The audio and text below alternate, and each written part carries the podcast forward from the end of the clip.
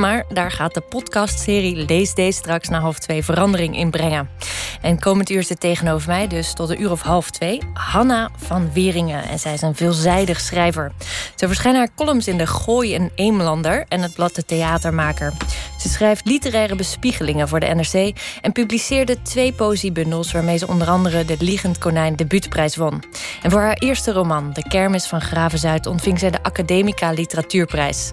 En ook haar tweede roman, Prijs de dag voordat de avond valt, werd jubelend ontvangen.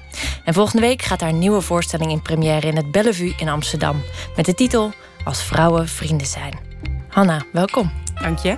Ja, vrouwenvriendschap. Ja, Of eh, eigenlijk vriendschap aan zich. Ik heb begrepen dat je dit niet hebt geschreven met twee vrouwen per se in je hoofd. nee, dat klopt. Dat klopt. Het begon eigenlijk met de, met de gedachte aan vriendschap in het algemeen.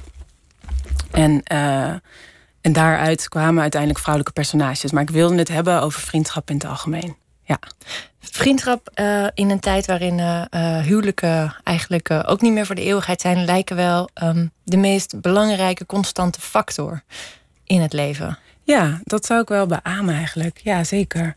En dat, dat was ook een element van vriendschap wat, ik, wat, me, wat me het meest interesseerde. Ik wilde eigenlijk dat doorgaande ervan, dat constante ervan... ehm, daar wilde ik een vorm voor vinden om dat te laten zien op toneel. En hoe heb je die gevonden? Ehm, hoe heb ik die gevonden? Eh, ja, nou eigenlijk kwam er dus al snel, eh, ehm, kwam, kwam ik er al snel achter dat eh, de normale vorm van een conflict, eh, wat je eigenlijk in drama verwacht, hè, dat zit ook al in het woord. Je gaat, een, je gaat een, een conflict beschrijven, gaat dingen op elkaar laten botsen en zo een verhaal vertellen. Dat dat nou juist precies niet was eh, wat paste bij mijn, bij mijn onderwerp, bij wat ik wilde laten zien. Dus mm, daaruit voortvloeiend kwam eigenlijk de gedachte dat het conflictloos moest zijn. Dus dat het een stuk moest zijn waarin je juist meekreeg. Eh, niet hoe twee elementen op elkaar botsen, maar hoe twee elementen ja, naast elkaar leven. Ja, dus twee vrouwen die eigenlijk eh, door dik en dun gaan. En ehm, het is niet zo dat het totaal dramaloos stuk is. Er, gebeurt, er gebeuren dingen om hun heen. Eén wordt verliefd. Ehm, dat, dat heeft niet per se een goede afloop. Nee. Ehm, maar het, het drama voltrekt niet tussen hun. Ja, dat klopt. Dus je ziet ze ook steeds ehm, samen. Niet op momenten dat er een drama speelt, maar inderdaad buiten het drama om. Dus eigenlijk ehm, misschien wel op de momenten die dus, waar er veel meer van zijn in een mensenleven. Eh, als je naar kwantiteit zou kijken. Dus eh, eh, er zijn natuurlijk veel meer momenten dat er niet iets gebeurt. en, en, en dat zijn de momenten vaak dat je met vrienden bent. En dat wilde ik laten zien. Ja, in het stuk wordt letterlijk gezegd... eh, ik weet bijvoorbeeld van alles over hoe een moeder haar eigen kinderen kan vermoorden... maar niet over wat er daarna gebeurt. Zeg maar het doorleven, het samen doorleven. Waar toch beduidend meer van is. Er zijn toch technisch meer dinsdagmiddagen met niets erin... in een mensenleven bedoel ik. Ja, Dus we gaan kijken naar eigenlijk een reeks van dat soort... ja, dinsdagmiddagen. ja eigenlijk wel. Ja. En hoe houd je dat spannend? Ja, mm, nou dat, dat kan je dus ook ja, aan jezelf vragen. Hoe houd je leven spannend? Ehm, dat zit, dat zit in, in de personages. Dus dat zit in hun levendigheid en in hun dynamiek. eh, in hun eh, verlangens. Ehm, ja, Het zijn ook wel eh, hele mm, filosofisch ingestelde personages, vrouwen, eh, die toch wel gelaagdere gesprekken he- hebben dan ik over het algemeen met mijn vrienden. Dus ze gaan wel de diepte in. Ze refereren aan Plato, aan eh, hoe je ontmoet je elkaar nu echt. ja. Eh, dat, dat, dat zijn, het zijn ook wel denkoefeningen eigenlijk, de scènes. ja, zeker. Het zijn natuurlijk ook uitvergrotingen van mensen in dat opzicht. En, en, eh, en, en dat is, ja. Dus, dus, dus die denkoefeningen houden het in dat opzicht ook spannend. Omdat je steeds met hun meegaat op een pad. Omdat je steeds met hun aan de hand meegenomen wordt op een, in een denkrichting. Wat voor soort vriendin ben jij eigenlijk? Wat voor soort vriend ik ben. Het Ja. klinkt alsof er categorieën zijn. Wat, wat, wat Hoe zou je jezelf omschrijven? Nee, ik zou mezelf een toegewijde vriend noemen. Ja, Is vriendschap ook het allerbelangrijkste van alle sociale constructen om je heen? je Ja, ik zou dat wel zeggen, ja. Ik, maar goed, ja, nou ja, dan maak je weer een hiërarchie. Maar, maar het is wel een hele, hele belangrijke factor in mijn, eh, hoe ik gezond blijf eigenlijk. Wat ik leuk vind. Ja. En is dat dan dagelijks contact? Of is het ook soms dat je mensen jaren niet kan zien en dan toch weer? Ja, want dat is ook een beetje het geheim, toch? Als je, als je met elkaar bevriend bent, dan is dat iedere keer weer uniek. Je bent niet dezelfde vriend. Je bent steeds met een ander, een andere vriend eigenlijk. Omdat je steeds iets anders voor elkaar bent. En dat dan ook nog weer op verschillende fasen in je leven. En sommige vrienden kan je een jaar niet zien. En hoe bedoel je, je bent steeds anders voor de vriend? Je bent toch gewoon altijd die vriend? Of je bedoelt dat ze andere rollen hebben, als in troostend of. Ja, en dingen veranderen. En wat, wat er nodig is, verandert natuurlijk ook de hele tijd. Je, dat is niet hetzelfde. Dat is heel dynamisch, denk ik. Dat is er ook zo leuk aan. Ja. Ja. Ehm, ik ben uh, bij een repetitie geweest. Uh, volgende week is de première. En ik zag uh, de actrices toch best wel zwemmen. In het feit dat er geen drama-conflict tussen hun was. Ja. Um, hoe, um, hoe, hoe, hoe heb je dat ook een beetje gniffelend opgeschreven? Zo van, haha, zoek dit maar uit. Nee, nee, beslist niet. Nee, zeker niet. Nee, god. Nee, je wil acteurs altijd juist iets geven waar ze op kunnen leunen. En ik denk dat, dat kijk, in zo'n repetitieproces heb je heel veel doorlopen en heel veel soorten werkdagen. de ene dag gaat alles fantastisch en de andere dag zwem je als een gek en weet je echt niet meer waar boven of onder is. Dus dat hoort ook echt een beetje bij toneelmaken. Het is ook waarom toneelmaken zo leuk is, dat het gevaarlijk is net met een andere insteek flikkert een hele scène onderuit. Terwijl je, eh, als je zo aan het zwemmen bent, soms opeens een sleutel vindt die je dan nodig hebt voor het, uiteindelijke eindresultaat. Dus dat zwemmen. Nee, dat, dat wil je als schrijver nooit. Als je daar ook bij bent. Ik ben er niet vaak bij. Maar als je erbij bent, dan ga je een klein beetje dood van binnen. Want dat is gewoon vreselijk. Ja.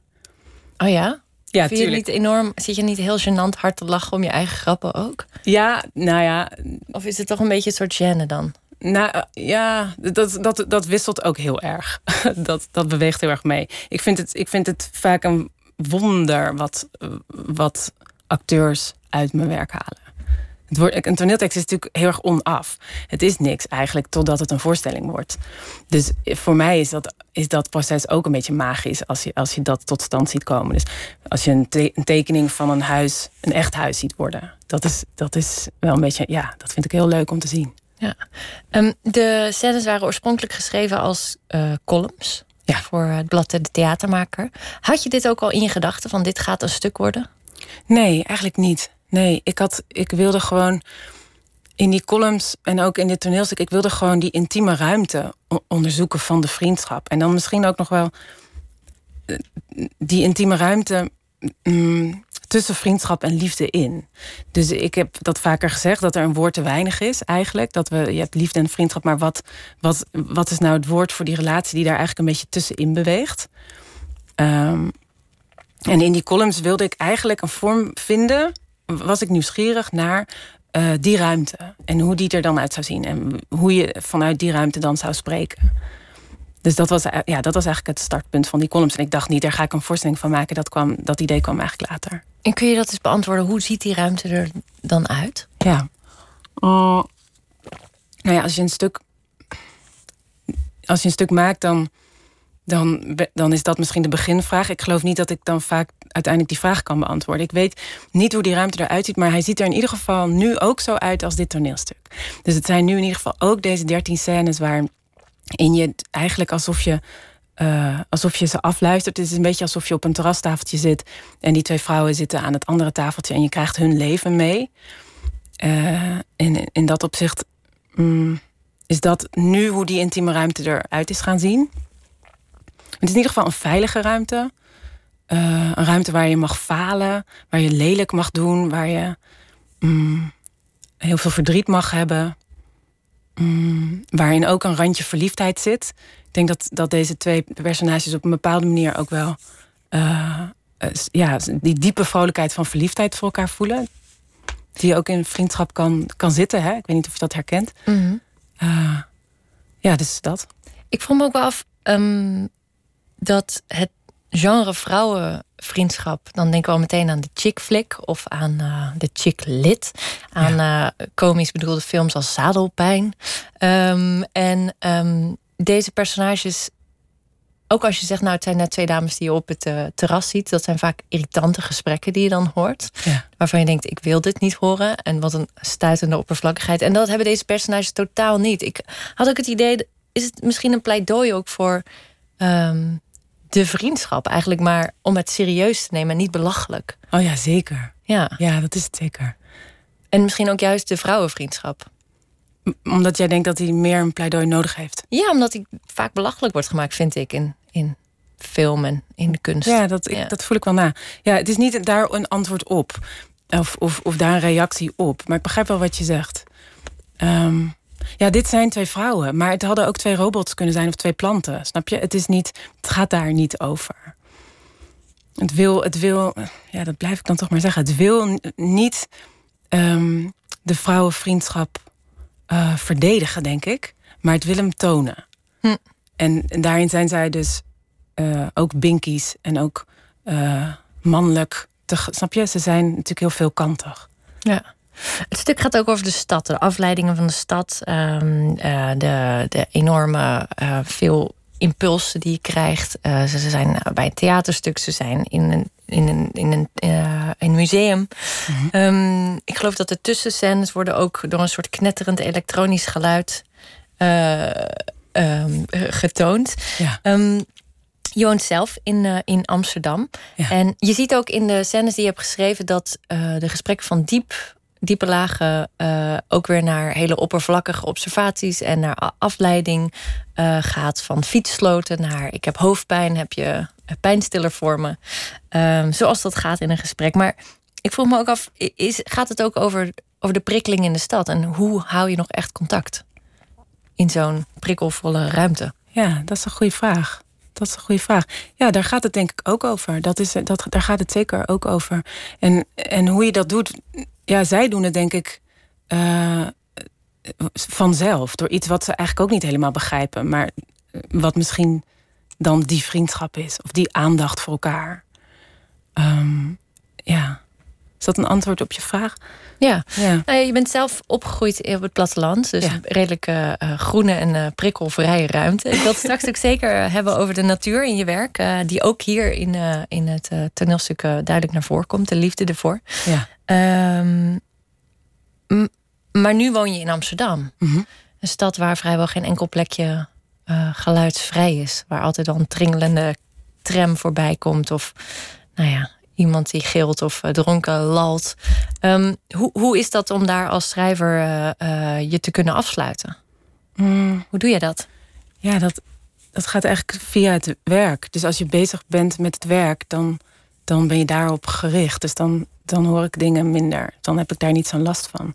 Ik heb, daar, ik heb daar eigenlijk niet echt last van, van, van de invloeden van de stad. Als je het nu zo tegen me zegt, denk ik, oh ja, inderdaad, de stad is een hele drukke plek. Maar ik ervaar dat eigenlijk niet zo. Um, moet ik zeggen dat ik een tuin heb. En in die tuin is het heel stil. Dus, dus misschien dat, het, dat, dat, dat mijn specifieke plekje in de stad eigenlijk een stil plekje is. Dat Ja. zou goed kunnen. Dan ben je one of the lucky few. Ja, dat denk, inderdaad. dat denk ik. Dat denk ik. Maar je bent ook een van de schrijvers, uh, weinige schrijvers die ik ken uh, zonder social media en zonder smartphone.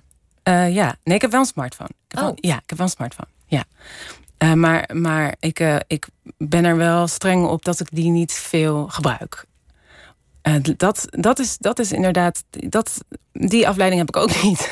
dat klopt. Nee, Facebook ben ik denk ik nu zo, zo een half jaar echt helemaal mee gestopt. En dat, uh, dat bevalt me heel goed. Dat is echt rustig. Was dat ook voor de focus van je werk? Dat je zegt, ik moet dit er niet bij hebben. Heel veel uh, schrijvers uh, houden natuurlijk zo ach achterban contact. Contact met hun, hun uh, lezers. of hun fans, zoals je het wil noemen. Ja, ja ik, ik, ik dacht... Ik, ik vroeg me gewoon op een gegeven moment af... wat lees ik er nou op? Het ging me eigenlijk meer inderdaad over mijn eigen...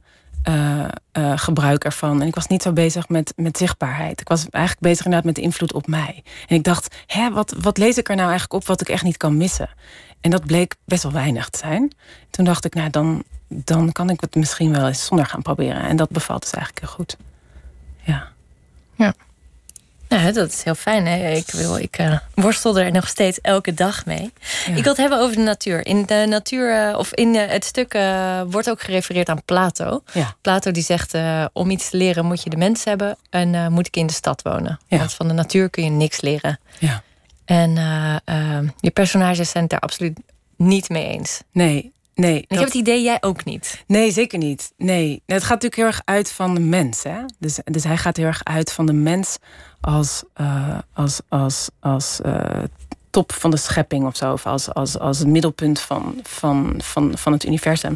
En dat onderschrijf ik eigenlijk helemaal niet. Het zijn onderdeel van een. Van, uh, een ecosysteem eigenlijk.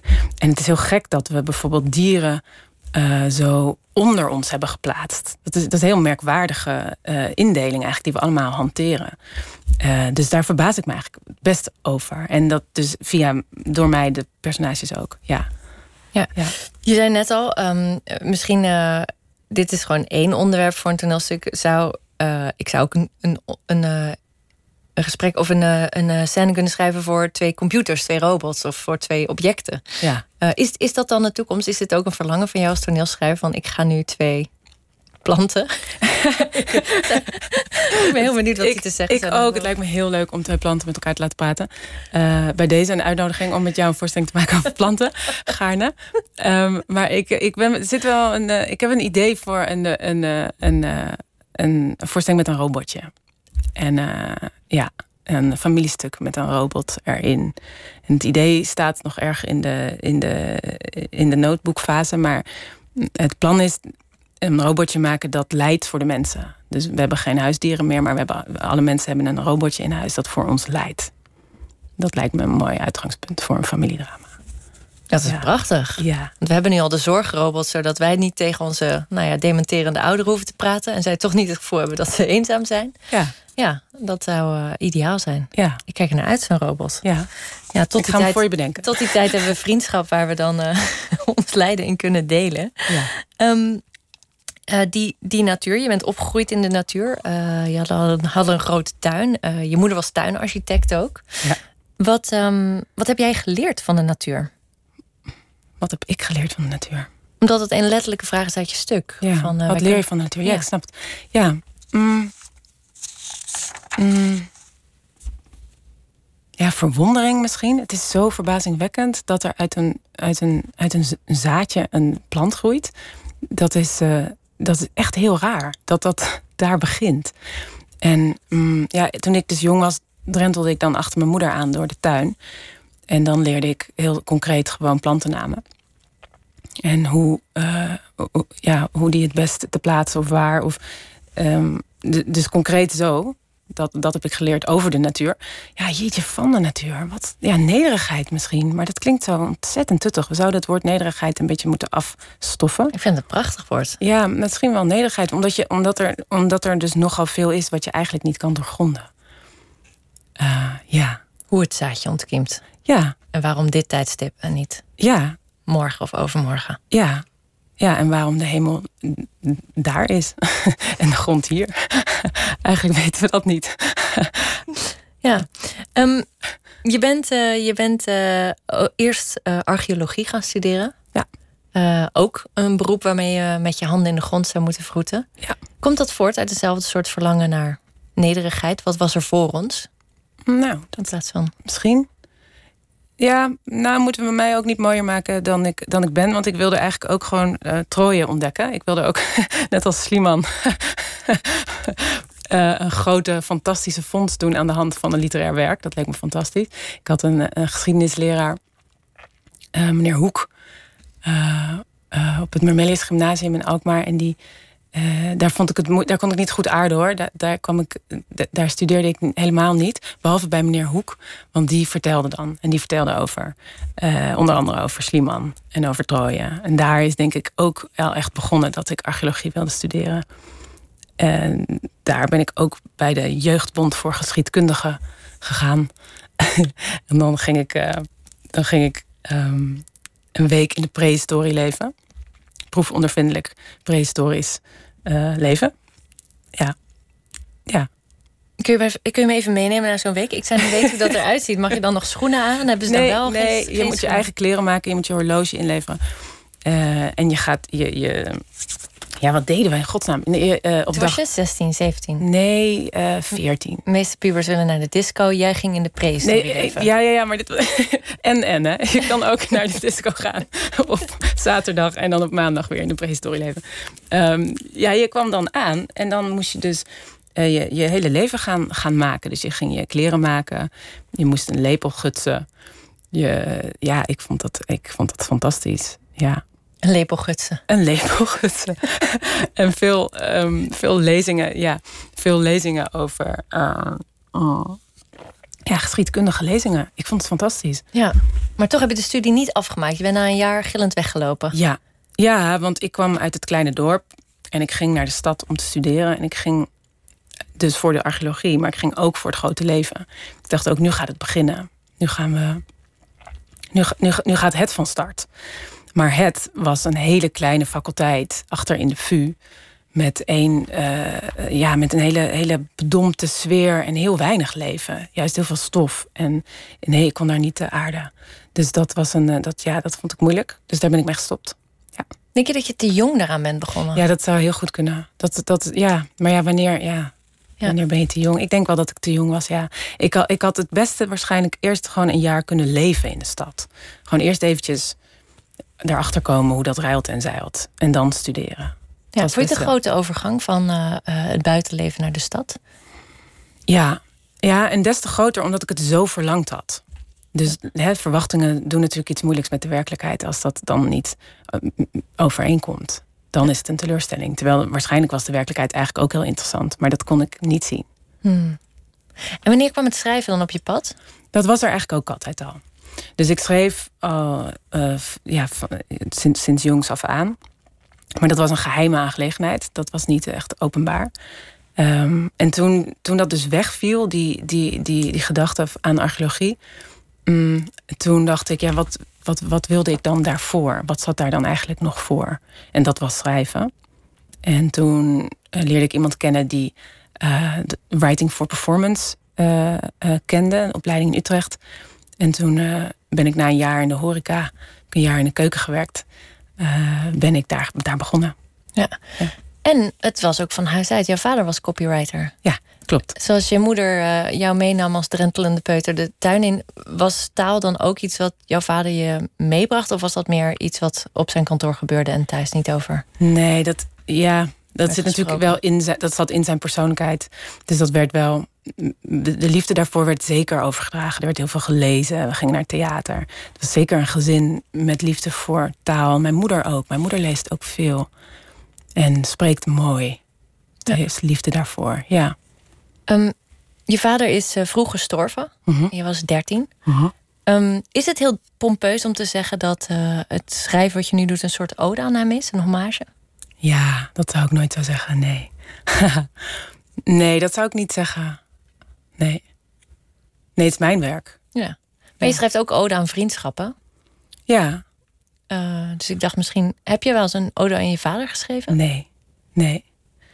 Nee, dat is een, een verhaal wat nog op zich laat wachten. Misschien ga ik dat wel een keer vertellen. Misschien schrijf ik daar wel eens iets over. Maar dat heb ik tot nog, nog toe eigenlijk niet gedaan. Nee. Weet je waarom niet? Mm, nou, ik zit er een beetje op. Weet niet of je dat herkent, maar het is, zo'n materiaal waarvan je weet dat dat is heel rijk. Of daar, daar, daar, dat is heel geschakeerd. Of daar kan ik. Mm, daar valt veel, veel mee te doen. Maar dat je, dat je dat juist een beetje bij je houdt nog. Dat je dat juist niet gaat uh, vertellen nog. Misschien moet ik nog wat ouder worden en slimmer. Of dommer. Dat misschien nog wat dommer worden, dat weten we niet. um, voordat ik dat, uh, dat verhaal ga vertellen, ja. ja. Maar, maar ik, ik zou het wel, ja. Want in je column schrijf je wel over je uh, familie. Ook over je broer die uh, het syndroom van Down heeft en bij een bakker werkt. Ja, klopt. Ja. Ja, ja nou ja, misschien, ga ik, misschien verwijt die mijn blik zich langzaam aan. Misschien ga, of verwijt meer terug naar vroeger. Dat zou kunnen. Want inderdaad, ik schreef daarvoor ook niet veel over mijn broer. Alhoewel daar in mijn debuut wel ook een. Uh, een uh, het laatste verhaal in mijn uh, proza-debuut gaat wel over een jongen met het syndroom van Down. Ja, ja. Je, je, noemt hem je favoriete persoon in de wereld. Ja, ja hij is heel leuk. Het is een hele leuke mens. Hij is ook acteur. Hij speelt, ja. Bij, bij, hij speelde bij gezelschap De Eenhoorn in Hoorn. En ja, dus als hij dan komt kijken naar mijn werk, dan, dan kunnen we een beetje als vakbroeders praten. Dat is wel leuk. En je eet broodjes bij hem in de, in de ja, zeker, bakkerij. Zeker, ja. ja. Dat is heel mooi. Um, hoe, hoe verschilt het vak van columnist um, ten over, qua onderwerpen met theaterwerk? Hm. Ik ben nog niet zo lang columnist. Ik doe nu sinds eind augustus. Ik vind het heel leuk. Mm. En ik zei eigenlijk laatst tegen een vriend van... het is, het is mm, een beetje alsof... ik maak toch al aantekeningen. Uh, en uh, een column is daarvan eigenlijk... het is een openbaar aantekeningenboek, voor mijn gevoel. Dus ik deel dat. Waar iedereen in mag lezen. Ja, wat iedereen kan zien. Ja. Dankjewel. We gaan EO even uit voor het nieuws. En straks gaan we hier verder in gesprek met schrijver Hanna van Wieringen.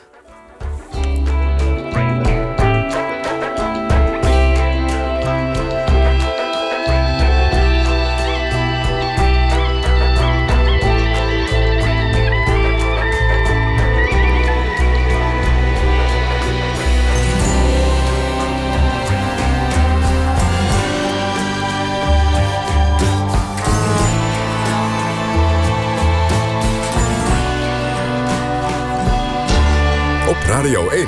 Het nieuws van alle kanten.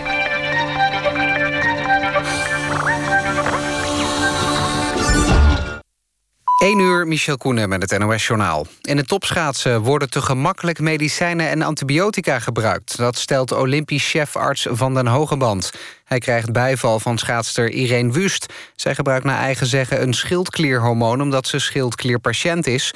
Maar is ook kwaad dat schaatsers zonder problemen het middel ook gebruiken. En de chefarts zou graag zien dat schaatsers een bewezen indicatie hebben... om een medicijn te gebruiken. Het onderzoek van Nieuwsuur bleek al eerder dat veel schaatsers een uh, schildklierhormoon gebruiken. Ze denken er sneller mee af te kunnen vallen en energie van te krijgen. De dopingautoriteit probeerde schildklierhormonen al eerder vergeefs op de dopinglijst te krijgen. Jos B., de verdachte in de zaak Nicky Verstappen... heeft nog geen verklaring afgelegd... maar gaat dat doen op het moment dat hij daar klaar voor is. Dat zegt zijn advocaat. En B wil goed over de verklaring nadenken... zodat de advocaat niet van de rechtbank of het OM te horen krijgt... dat er iets in de verklaring tegenstrijdig is. Ook is de zaak 20 jaar oud en is het moeilijk om alles terug te halen, benadrukt hij. En volgens de advocaat is het verder nog maar de vraag of B iets kon doen aan de kinderporno... die op een van zijn computers is gevonden. De leider van Forum voor Democratie, Thierry Baudet... vindt het beneden zijn waardigheid om mee te doen aan de algemene beschouwingen. Hij noemt het debatteren zinloos... en een aaneenschakeling van ingestudeerde riedeltjes. Andere partijen zijn boos. Ze vinden dat Baudet ervoor wordt betaald om in de Tweede Kamer te laten zien... hoe het dan wel moet. En in de eredivisie heeft Heracles gewonnen van de Graafschap. In Almelo werd het 4-0. Door die overwinning stijgt Heracles naar de derde plaats in de eredivisie. Het weer nog bewolkt, buien, soms met onweer en kans op zware windstoten. Het koelt af tot een graad of 12. Overdag nog een enkele bui bij een matige tot vrij krachtige westenwind. Het wordt dan 14 tot 17 graden. En zondag wordt een kille dag met veel regen en ook weer veel wind. Dit was het NOS Journaal. NPO Radio 1. VPRO. Nooit meer slapen.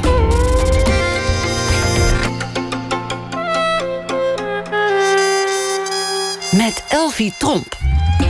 Welkom terug bij Nooit meer slapen. En ik zit hier nog steeds in de studio met schrijver Hanna van Wieringen. En uh, volgende week gaat haar nieuwe voorstelling in première als vrouwen vrienden zijn. Nou, daar hebben we het net over gehad. Over de ode aan vriendschap, uh, vriendschap als belangrijkste uh, nou ja, sociale verbinding eigenlijk in het leven. je leven eigenlijk in een klein dorp waar je bent opgegroeid. je verlangen om archeoloog te worden, want deceptie bleek. En nu je leven als schrijver. En um, weet je wat ik nou zo lief vond? Uh, toen ik uh, mijn voorwerk deed, toen uh, las ik dat je in het Witsenhuis in het Oosterpark woont. Je zei net, ik woon heel stil en groen, dus heb je, nou, ik denk dat je daar heerlijk woont. Ja. En dat je uit dankbaarheid naar het graf bent gegaan van Witsen en zijn vrouw. En Witser ja. was een kunstenaar, Willem Witsen. Ja. En die heeft eigenlijk zijn huis als monument uh, nou ja, ter beschikking gesteld als woonruimte ja. voor kunstenaars. Eigenlijk zijn vrouw. Dus, oh. dus Marie Witsen heeft dat gedaan. En zij, uh, zij uh, heeft dat, dat laten opnemen in haar testament... dat het tot in de eind der tijden mogen daar schrijvers wonen.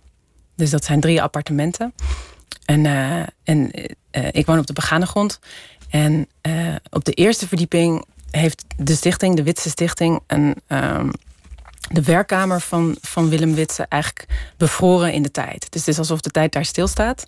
En je kan zijn, uh, ja, zijn, zijn schildergerij zien. Uh, de, hele delen van zijn bibliotheek en servies. Het is, het is een hele mooie donkere ruimte met veel Persische tapijten en donker behang.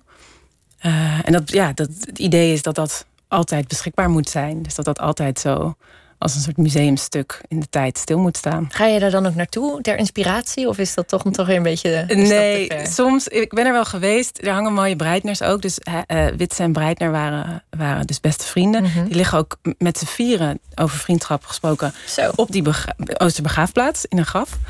Uh, ja, maar nee, ik ben daar niet vaak. Nee, het is erg donker. Maar ik vind het zo lief dat je dan bloemen gaat brengen. Ik denk dat niet veel van die bewoners dat hebben gedaan die daar mogen wonen. Ja, dat weet ik niet. Dat zouden we ze moeten vragen. Ik vond het wel een vrolijk idee om, om, om haar even uh, te bedanken daarvoor. Ja, en dat was ook wel een vrolijk idee. En hoe lang mag je daar wonen?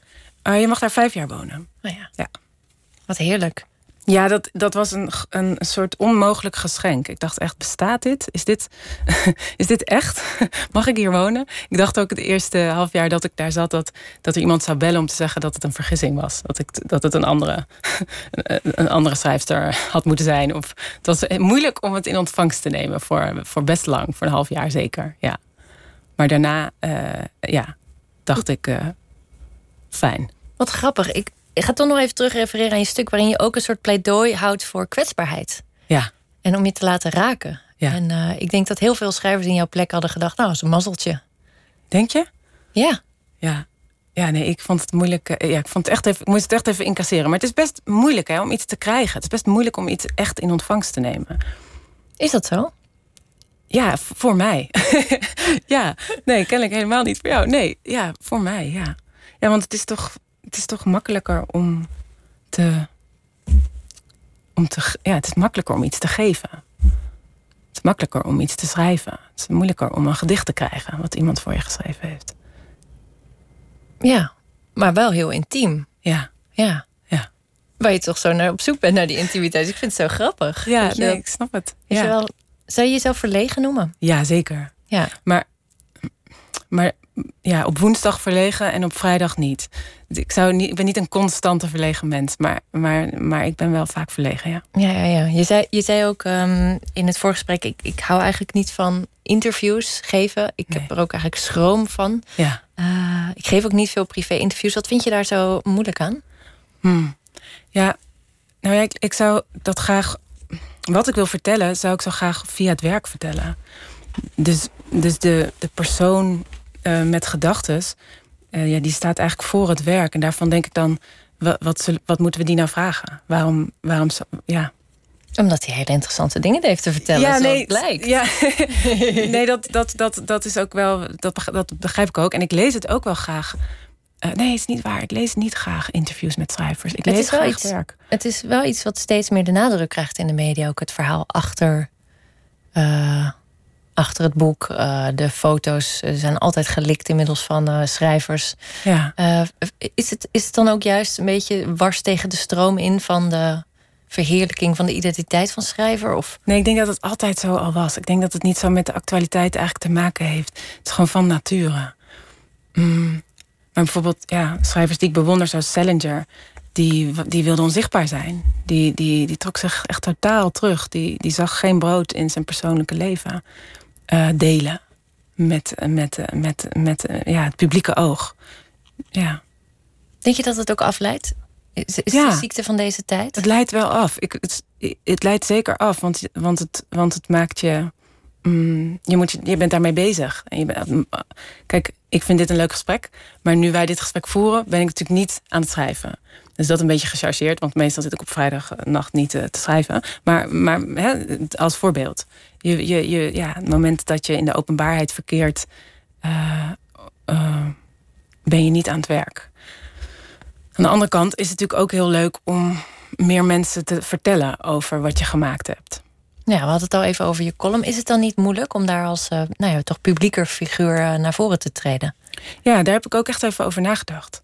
Maar ik vond het wel, ik vond het wel tijd daarvoor ik zag, ik zag er wel. Ik kreeg, er namelijk wel zin van. Dat, leek, dat lijkt me de beste graadmeter. Ik had er gewoon wel zin in. Ja.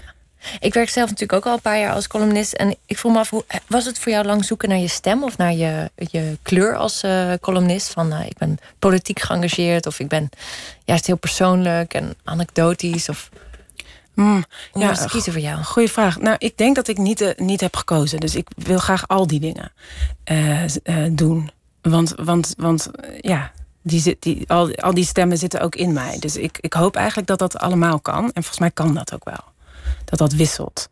Dat het niet altijd gaat over, over, de, over Prinsjesdag of over Den Haag. Dat, dat het gewoon een, een brede waaier is van persoonlijke verhalen en gedachten. Ja. Uh, je schreef daarover, ik zie het als een plekje om samen even na te denken. Ja, dat is lastig. De kracht van een column is dat die naast het nieuws staat. Ja. En let op dat woord samen, tweerichtingsverkeer dus. Ik vroeg me af, heb jij dan echt enorme uh, gesprekken of uh, briefwisselingen met lezers? Dat is wel um, wat, wat, wat ik beoog. Uh, dat is, dat ik, nee, dat, dat is niet zo dat de postzakken hier bij mij in de gang staan. Zeker niet. Um, maar er waren wel wat lezersbrieven. Ja, ik vind dat leuk. Ik wil wel graag horen wat mensen dan denken aan de hand van wat ik dacht. Ja, wacht maar tot je iets over Zwarte Piet schrijft. Ja, ja dat heb je het echt niet weten. Nee, nee, jij bent gepokt en gemazeld. Misschien moeten we hier over een half jaar nog eens even over praten samen. Dan... heb je wel eens negatieve reacties gehad? Ja, zeker. Ik had, uh, ja, ik had iets geschreven over uh, de cartoonwedstrijd. Hm. En daar kwamen wel. De cartoonwedstrijd van Gert Wilders, die die uiteindelijk weer heeft teruggetrokken. Ja, ja. ja. En daar had ik. Uh, dat was eigenlijk niet het onderwerp van de column, want dat vond ik een beetje veel eer, maar hij kwam wel voorbij. En uh, daar kwamen ook wel wat reacties op. Maar dat vond ik interessant. Ik, uh, ja. Kun je negatieve reacties dan makkelijker accepteren dan complimenten? Mm. Oh, dat weet ik niet of ik dat onderscheid zou maken, maar het, maar het, het, is, het is gewoon wel. Het is ook een mening. Mhm. dus, dus ik ben er eigenlijk wel in geïnteresseerd. Uh, om, om, om het te horen. Eh, als het me maar niet wordt opgedrongen eigenlijk. Maar misschien dat social media daarin dan meer je persoonlijke ruimte binnenstormt. Als je, dat, als je op die manier reacties krijgt. Dat heb ik natuurlijk niet. Dus dit was gewoon een foto van, van lezersbrieven die een redacteur aan mij doorstuurde. Dus dat is misschien wat rustiger. Vertraagd effect. Ja, denk ik. Ja. ja, En, en ja, dat was, dat was de mening van die twee uh, brievenschrijvers. Hm. Je hebt in de Groene Amsterdammer geschreven: mensen die de wereld echt beter willen maken, dat wil zeggen die ervan overtuigd zijn dat hun idealen iedereen dienen, maken me vaak wat ongemakkelijk. En dat heeft iets te maken met de verontwaardiging die komt kijken bij de overtuiging van het eigen gelijk. Ja. Ik vond dat heel postmodernistisch klinken, vooral geen stelling nemen. Ah ja. Je hebt toch hele vurige meningen. Ik ken je als uh, iemand uh, die uh, vurige pleidooien kan houden. Ja, zeker wel. Zeker wel. Maar die, die, als ik die hou, dan, dan, dan denk ik, mm, dat ik dat ik dat ik nooit geloof dat ze voor iedereen gelden. En het is eigenlijk dat element daaraan wat me ongemakkelijk maakt. Dus, dus dat je niet de verscheidenheid eert van, van heel veel verschillende verlangens, maar dat je eigenlijk zegt: dit is goed voor allemaal. Maar je, je zoekt toch als schrijver, uh, en zeker bij een toneelstuk, een soort universeel, universeel verlangen of een universele waarheid. Ja een universele kern van vriendschap bijvoorbeeld in je nieuwe stuk. Ja, zeker. Dat is absoluut waar. Ik denk, nou. Ja. Um, ja, dat is wel waar. Maar ook, ook deze vriendschap is hyperpersoonlijk. Dus het zijn geen archetypes. Het zijn echt mensen van. Tenminste, dit, dit, is, mijn, dit is mijn verlangen. het zijn mensen van vlees en bloed. Uh, die. Uh, uh, um, ja, waar je van, van allerlei kanten naar kan kijken. Dus dat universele is natuurlijk juist wat universeel is, is natuurlijk van veel kanten te bezien. Dat is niet eenduidig. Het is de eenduidigheid die me ongemakkelijk maakt. Maar is het niet juist ook dat je dan verzandt in. Je kunt nooit een vuist maken als je, als je altijd maar bewust bent van die veel meer, meervoudigheid, die veelduidigheid. Hmm. Maar, wat, maar waarom willen we een vuist maken?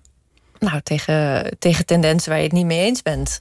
Ja. Uh, in, het, uh, in het stuk uh, hebben ze het over Elfriede Jellinek... die zich heel kwaad maakt tegen het... tegen het ik wil het zeggen...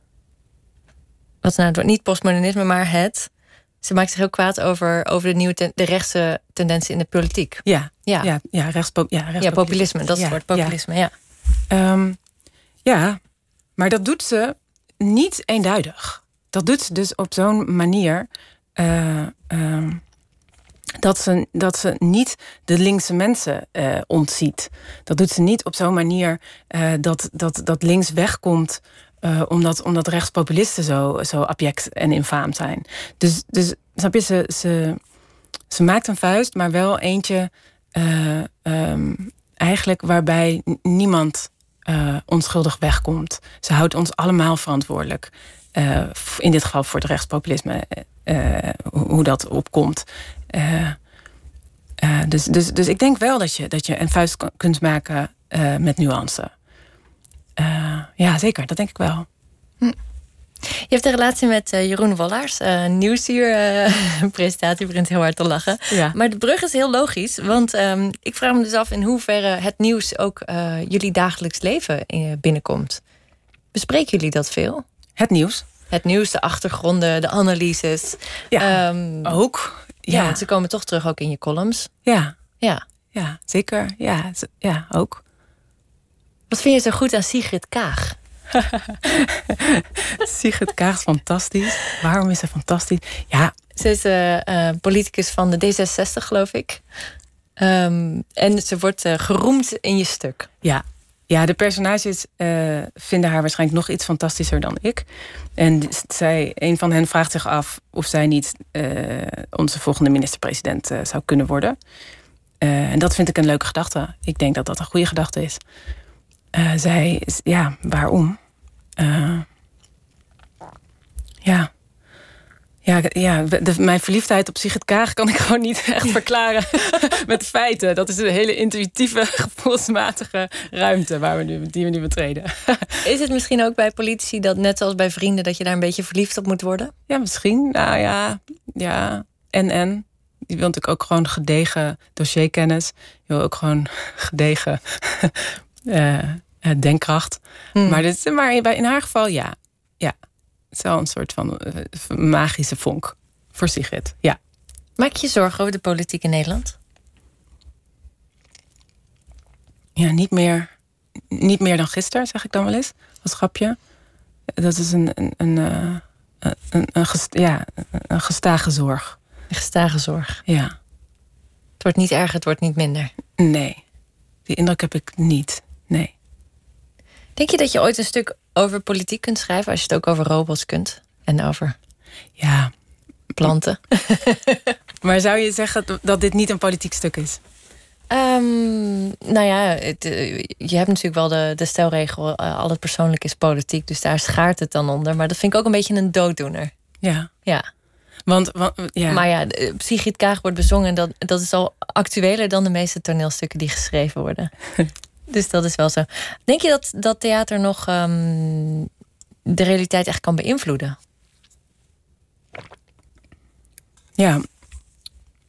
Of ben je daar totaal niet mee bezig als je het schrijft? Nou, de, eigenlijk niet. Mm, maar dat is ook niet waar. Want ik geloof ten diepste dat het dat kan. Anders heeft het geen zin om het te maken. Mm, maar dat zou ik niet zo, zo, dat zou ik niet zo expliciet zeggen, eigenlijk. Ik denk dat, dat kunst en verhalen dat Mm, op een heel zijdelingse manier kunnen doen. Uh, dat ze de tijd reflecteren en dat ze ons daardoor iets terugtonen over onszelf. Dus dat ze op die manier eh, eigenlijk inzicht brengen. Ja, en daarmee dus ook verandering teweeg kunnen brengen. Ja.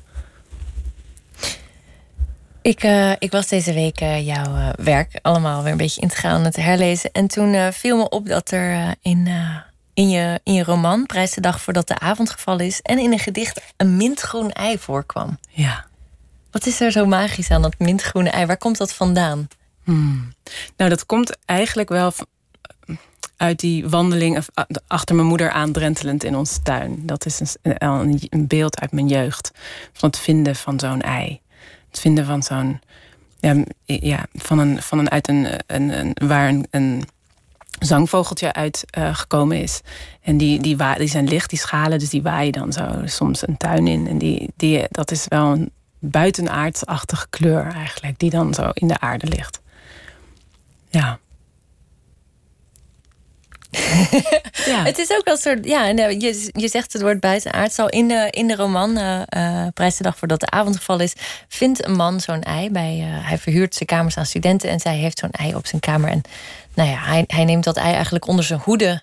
En dat gaat, uh, symbool, symbool staan voor allerlei dingen. Eigenlijk ontrafelt zijn hele geest door alle fantasieën die hij loslaat op dat ei. Ja. Waar, waar kwam dat verhaal vandaan? Hoe, hoe begin je zoiets? Begint dat toch met dat ei uit je jeugd dat dan weer terugkomt? Nee, dat is nu, dat is nu een retrospect. Ja. Dat jij dat, die verbinding maakt met dat gedicht. Nee, dat begon, eh, dat begon, ja, dat begon eigenlijk met de stem van deze, deze mens. Deze, dit personage. En die, die, dat was een kwaaie, hij was een kwaaie man. En hij was kwaad aan het ratelen. Hij was, eh, hij was heel eh, boos en gefrustreerd over zijn leven en over de samenleving. En dat vond, het was een interessante stem. Dus, de, dus die kwam voort uit, een, uit, eh, ja, uit het schrijven zelf eigenlijk. Dus daar kwam ik zo op. op, Het is op hem. eigenlijk een eh, klassieke boze witte man. Ja, zeker. Zeker. En, en ik wilde daar iets tegenover stellen. Dus ik wilde eigenlijk eh, hem ehm, ehm, vertederen, om het maar eens letterlijk te gebruiken. En dat, eh, dat hij, hij is heel achterdochtig en woedend. En die huurders die zitten hem, die, die, die frustreren hem enorm. En eh, eh, en juist bij een van de huurders die, die, waar, waar niks mis mee lijkt, vindt hij dan onder, onder een bed dat, ja, dat, dat buitenaardse ei. Waar die dus ook ja, zich ja, bij- bijna bij voelt dat zijn woede dat ze al zouden kunnen doen barsten. Dus hij moet zijn woede al inhouden ten overstaande van dat, van dat ding. Ja, anders gaat het stuk. Ja, zeker. Ja. En letterlijk draagt hij het op een gegeven moment op een rugzak alsof hij zwanger is van het ei. Ja. Ja, hij werd een soort draagmoeder. Hij werd de draagmoeder van het, het geheime ei, ja. Ja. ja, dat vond ik een vrolijk beeld. Een boze man met een ei op zijn buik door de stad. Op de vlucht eigenlijk, voor zijn dag. Ja, Het is ook een soort bewondering voor ja, de, de, de, eh, de, de magie van ouderschap. Zag ik, las ik erin. nou ja. Ja, want hij is geen, geen vader geworden ook. Dat, dat personage is geen vader geworden, ja. Ja, ja grappig. Ja, daar heb ik ook bewondering voor. Ja, dat is echt een groot, grote daad. Een kind maken, ja. Ja. Ik, eh, ik pak er nog even een tekst eh, van je eh, voorstelling bij die, ik, die me bijbleef. Ehm, een opsomming van mogelijkheden. Waaronder, ehm, wat als ik... Ik ben blij dat ik geboren ben om mijn arm had laten tatoeëren voor mijn moeder. En later schrijf je... Wat als we niet zelf kinderen hadden hoeven krijgen om onze ouders te begrijpen. Ja. Hoe, ehm, heb, heb je er lang over gedaan om, om de band... Of je, om, om je ouders te begrijpen? Hmm. Ja, maar daar ben ik ook nog steeds mee bezig, denk ik. ja. ja, want nee, dat zou ik niet durven zeggen dat ik mijn moeder begrijp. Nee. Ja, maar wat bedoel je? Ben je daar lang mee bezig geweest? Ja, best lang. Ja. Ja, nog steeds. Ja, Ja. ja. Nou ja, het is, het is, het is zoiets menselijks om, eh, om te beseffen dat ouders eigenlijk alleen willen horen dat het goed met je gaat. Ja, En als je dat op je arm zou laten tatoeëren, wat we nooit doen, we hebben altijd soort motto's om door te leven. ja. Ehm, Ja, dat zou veel helpen, hè? Als je dat Ja. gewoon op je dertiende op je arm kwakt. het gaat goed met me, dat je die alleen maar omhoog hoeft te steken. Ja, dan kan je gewoon door met je leven. Je, zei, je zei dat je het eh, moeilijk vond op school. Je hebt jezelf ook als anti-autoritair eh, omschreven. Ja, Eh, dat je eigenlijk alleen oplette bij geschiedenis. ja. Ehm, hoe, hoe kwam dat? Waarom, waarom ben je altijd al zo wars geweest? Is dit iets wat vanuit huis kwam? Of, is, het- of Nee. juist het afzetten daartegen? Ja, ik weet dat niet. Ik had geen geduld. Ik was heel ongeduldig. Ik wilde niet iets. Ik vond het heel moeilijk om, om, om iets te doen. Ehm, om bijvoorbeeld wiskunde. eh, eh, en ik, ja, ik vond het heel moeilijk eigenlijk om in de klas te zitten. En om, om, om ja, nou, tot, iets tot je te, heel erg te, tot je te nemen. Heel erg zo dat, dat, dat in je gegoten krijgen. Ik vond, ik vond dat wel, ja, ik vond dat onprettig. Ik wilde veel liever dat zelf doen. En bij geschiedenis ging dat, aan. En dan kon ik lezen en dan kon ik dat gewoon zelf vormgeven. Maar ik vond dat, dat, dat passieve van onderwijs is echt frustrerend. Ja, totaal geen controle hebt over wat je wanneer leert en waarom. Dat vond ik heel ergelijk. Ja. Het is grappig dat je zegt, ik vind het heel moeilijk als mensen iets mij willen opleggen. En dat je nu ook huiverig bent als schrijver om inderdaad echt een stelling te nemen. Dat- Een eenduidige stelling te nemen. Ja, Dus Ja, dat maar- je nog steeds... ja, die zijn er. Ik geloof echt niet dat die er zijn. En ik denk dat de taak is van de schrijver om dat te laten zien. En om, uh, om een poging te doen om, om, dat, om, ja, om dat te bereiken. Ja. En hoe belangrijk is dansen voor een schrijver? Heel. Zeer. Ja. David Foster Wallace uh, uh, heeft ooit een pleidooi gehouden voor dansen. Oh, te gek. zijn um, biografische film eindigt ook met dat hij op een soort dansclubje zit. Oh, um, maar wat heeft dans voor jou betekend? Het komt ook terug in de tekst. Um, wat als ons lichaam iets probeert te vertellen, wat als dat via dansen gaat? Ja. En dan komt het nog een paar keer terug. Ja, er zit gewoon een soort vrijheid in dansen. Ja, dat klinkt echt zijig, maar nee, ik meen het wel. niet. Ja, dus vrijheid in dansen en, en muziek, ja, woordeloosheid, dat spreekt me er heel erg in aan. Dus het opgaan in, in muziek en gezamenlijkheid zonder taal. En het is ook gewoon fysiek. Dus er zijn nachtclubs waar, waar de boksen zo groot zijn dat, je, dat, dat, dat die bas door je lichaam gaat. Dat is echt heel lekker en Ja. bevrijdend. Je bent ook een schrijver van het nachtleven. Veel poëzie ook gaat over eh, uitgaan, afterparties. Ehm, maar je bent ook iemand die, die eh, eigenlijk als laatste naar huis gaat. Dat kan ik wel veilig zeggen, toch? Ja, Ja. Ja. Wat brengt dat jou? Is dat, is dat de magie van het nachtleven, dat alles anders lijkt? Of is het juist eh, een vlucht? Nee, het is gewoon heel vrolijk. Ik vind het heel. Het is, het, het is, het is gewoon het leven met het licht uit. Het is, je ontmoet heel andere mensen dan, dan, dan dagdagelijks. Dat, daar ga ik wel van aan. Mensen zijn ook eh, ja, net gekanteld of zo in de nacht. Wat bedoel je met gekanteld? Ja, zo net, ik weet niet, moediger of, of, of, of uitbundiger. Of zo. Er zit iets in de nacht wat, wat, wat, eh, wat, ja, wat mensen een beetje uit zichzelf haalt. Geldt dat ook voor nachtradio? Nou, dat, nee, het voor mijn gevoel nog niet. Maar, maar misschien kunnen we wat langer doorgaan. Misschien dat we er zo een muziekje bij opzetten. Ja, dat is goed. Maar ik, wilde, ik vind dat wel interessant, dat, eh, dat, dat nachtleven. Je bent nu midden dertig. Ehm, ben, je, ben je nog steeds het, het feestbeest wat je was toen je naar de stad trok en eh, Nee. eh, archeologie ging studeren? Nee? Nee, dat, nee ja, dat fluctueert gewoon hè, Mm. in periodes. Want toen ik net in de stad kwam wonen, was ik dat ook helemaal niet. Dus dat kwam pas later. En eh, in deze, deze fase, nee, nu heb ik weinig, eh, eigenlijk weinig nacht gezien. Maar er komen wel weer een aantal goede momenten aan in de nabije toekomst. En je hebt in Berlijn gewoond. Als er nou Ja. één nachtclubstad is, dan is dat het wel. Dat Zeker. gaat gewoon 24 uur per dag door. Ja, Verlies jij jezelf daar dan Nee. niet in? nee, nooit. Hoe, hoe weet je dan, nu moet ik naar huis? Ja, dat, ik heb gewoon een hele st- sterke interne grens. Dat ik weet, ja. Nee, ik verlies me daar nooit in. Ik ook, misschien wel omdat ik het wil beschrijven. Ik wil me niet helemaal verliezen, want ik wil het graag vertellen. Ben je er dan iemand die dan toch een klein notitieboekje ook bij zich heeft... die op de gore wc even wat steekwoorden schrijft? Of is dat dan toch meer iets wat Nee, Ja, dat niet. moet deze man Ja, verzakken? ja, nee, dat niet. Nee, ik zit niet, het, niet, eh, niet zo letterlijk niet te schrijven, maar wel, wel in me op te zuigen. Ja. Ehm, volgende week gaat je voorstelling Als Vrouwen Vrienden zijn... in, eh, in eh, première in het Bellevue eh, Theater. Het is een lunchvoorstelling, hè? Ja, ja, Theater Bellevue. middags. Ja, dat, dat, dat, dat zijn beroemde lunchvoorstellingen. Dus Theater Bellevue doet dat als enige in Nederland eigenlijk. En, en ik vind dat fantastisch, want het is dus een uurtje midden op de dag... even er een soort van uit de wereld stappen... en in, die, in de zwarte doos van de theaterzaal. Blijft de voorstelling daar exclusief of gaat hij daarna nog eh, ja, hij gaat reizen. rondreizen? Dus hij blijft daar eh, iets van vier weken staat hij... en dan gaat hij eh, door het land. Oké.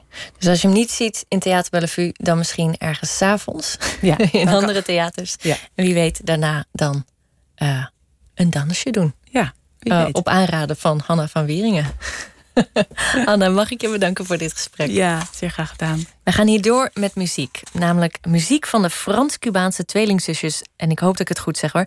Lisa Candé Diaz en Naomi Diaz. En zij vormen samen het duo Ibeji.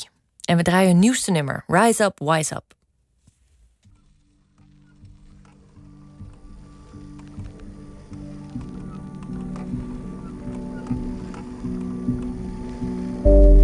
I imagine death so much it feels like a memory, like a memory. I wrote some notes and melodies. This is my legacy. Sing it all for me. Rise up. We will rise up and keep our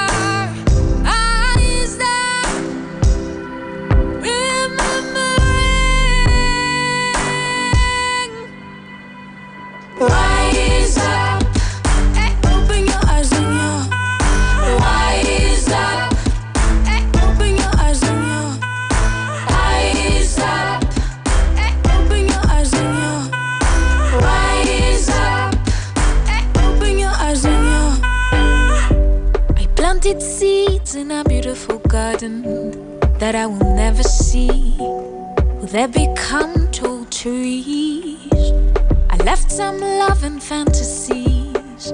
This is my legacy. Dream it all for me. Rise up.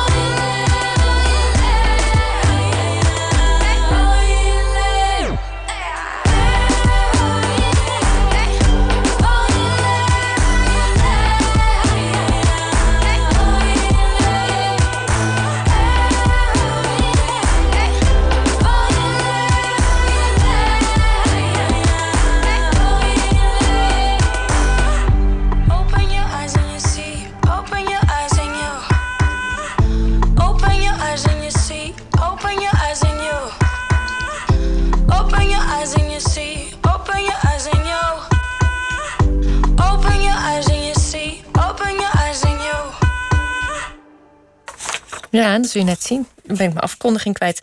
Ehm, dat was Rise Up, Wise Up van IBG. Nooit meer slapen. En dan nu. Met de actie Swap zet het Letterenfonds in samenwerking met boekhandels en uitgeverijen vergeten auteurs in de schijnwerpers. En Nooit meer slapen haakt daar graag bij aan door de maandelijkse VPRO-podcast Lees Deze uit te zenden. In de aflevering van vandaag staat schrijver A.H. Nijhoff centraal en haar roman Twee meisjes en ik. Die werd gepubliceerd in 1931. En over dat boek en de schrijver die heel jong trouwde met de dichter Martinus Nijhoff, maar hem al heel snel ook weer verliet, omdat ze vooral toch op die vrouwen bleek te vallen. Dat eh, de titel verraadt het al een beetje. Horen we onder andere Marja Pruis en Mario van Soest en de biograaf van Martinus Nijhoff, Bart Slijper. Hoe groot is het voorrecht van schoonheid in deze wereld? De natuur heeft twee grote gaven, waarmee zij bij de geboorte de mensen naar willekeur begiftigen kan: schoonheid en deugd. Welke van die beide is meer waard? Het valt moeilijk uit te maken. Voor de schoonheid ligt het koninkrijk der aarde open, voor de deugd het koninkrijk der hemelen. En alle moraal is machteloos tegenover deze wet. Een fragment uit de roman Twee meisjes en ik. Welkom bij Lees Deze. Dit keer over schrijfster Nettie Nijhoff. Niet over Martinus Nijhoff, onze beroemde dichter van Ik ging naar Bommel om de brug te zien, maar over Nettie, met wie de dichter trouwde al op heel jonge leeftijd. Het was een moedje, want Nettie was per ongeluk zwanger geworden op haar negentiende. Het werd een wel heel onconventioneel huwelijksleven. Schoonheid bleek Nettie vooral in vrouwen te zien. Ze liep weg bij Martinus, nam de zoon mee om te beginnen naar Italië... en ook haar verdere leven zou ze haar eigen baan trekken. Hier is haar stem in een van haar laatste levensjaren. Dat is voor mij drie punten. Hè. Dat is vriendschap, vrijheid en dan een woord wat ik haat, schoonheid. Ik zou Waarom haat u dat? Beauty zeggen, omdat ik het woord schoonheid heeft een, een toon in het Nederlands van iets Plechtig. esthetisch. Dat bedoelt u En niet. dat bedoel ik natuurlijk niet. Absoluut niet. Maar voor mij heeft schoonheid een waarheid. Ook in het gewone leven? Ja, in het gewone leven. Ja. U denkt helemaal niet direct aan, aan Bach of aan Shakespeare dan? Nee, nee, nee, Wat het ook maar is. Nettie Nijhoff in 1967. En met die drie aspecten, vriendschap, vrijheid en schoonheid... had zij zich waarschijnlijk een leven lang bezig gehouden. Haar levensverhaal speelt zich af in Italië, in Parijs en in Zuid-Engeland. Gaat over overspel, lesbische liefde, broeierigheid en avontuur in kunstenaarskringen. Nettie leefde van 1897 tot 1971. En begin jaren 30 schreef ze Twee meisjes en ik... dat destijds insloeg als een bom. In een tijd waarin literatuur van vrouwen uitstekend verkocht werk van vrouwen was uh, gewild in die tijd. Want het was een tijd van emancipatie. En de uitgevers, als vrouwen wat geschreven hadden, werden ze enorm gestimuleerd om weer met een nieuw boek te komen. Want het verkocht ook goed. Begrijp je? Dus, uh, en, en oh, jaren 30 hebben we het over. Ja, jaren 20, 30, ja. Zegt schrijfster en journalist Mario van Soest, die fan blijkt van de roman Twee meisjes en ik. Het boek waarmee Nettie Nijhoff volgens critici de naam Nijhoff te schande had gemaakt omdat het ook over de schoonheid van seksuele gevoelens ging, over drugs en homoseksualiteit. Blijft trouwens de vraag waarom Nettie Nijhoff met al dat talent naast Twee Meisjes en ik toch weinig heeft gepubliceerd. De schrijver Teun de Vries, een van haar beste vrienden, zei er in de jaren 60 dit over. Als ik nu eventjes uit naam van haar lezers mag spreken... vind ik het wel jammer dat ze eigenlijk niet meer heeft gepubliceerd. Ik bedoel, omdat ze zo'n groot talent heeft inderdaad. Maar er is dus een soort schroom om zich uit haar uh, gewone doen te begeven in de openbaarheid. Dat gevoel krijg ik dus wel eens. Zou het schroom zijn geweest? We kunnen het Nettie zelf niet meer vragen. Hoe dan ook, van schroom was in Twee Meisjes en ik niet zoveel te merken. Mario van Soest, zij schrijft een biografie van Emmy van Lokhorst, tijdgenote en vriendin van Nettie, las onlangs voor het eerst Twee meisjes en ik. Ja, ik, ik vind het volstrekt verdiend dat het een klassieker is geworden. Om, eh, de taal is nauwelijks verouderd. Eigenlijk niet.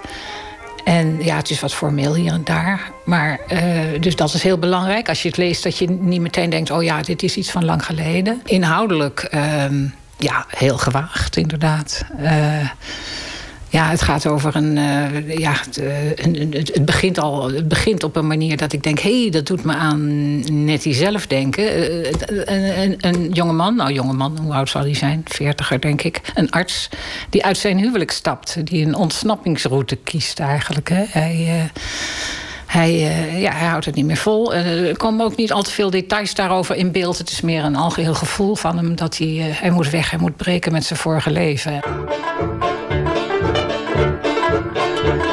Jij hield alles rond mij gesloten en dwong mij uit te breken, als een dief in de nacht.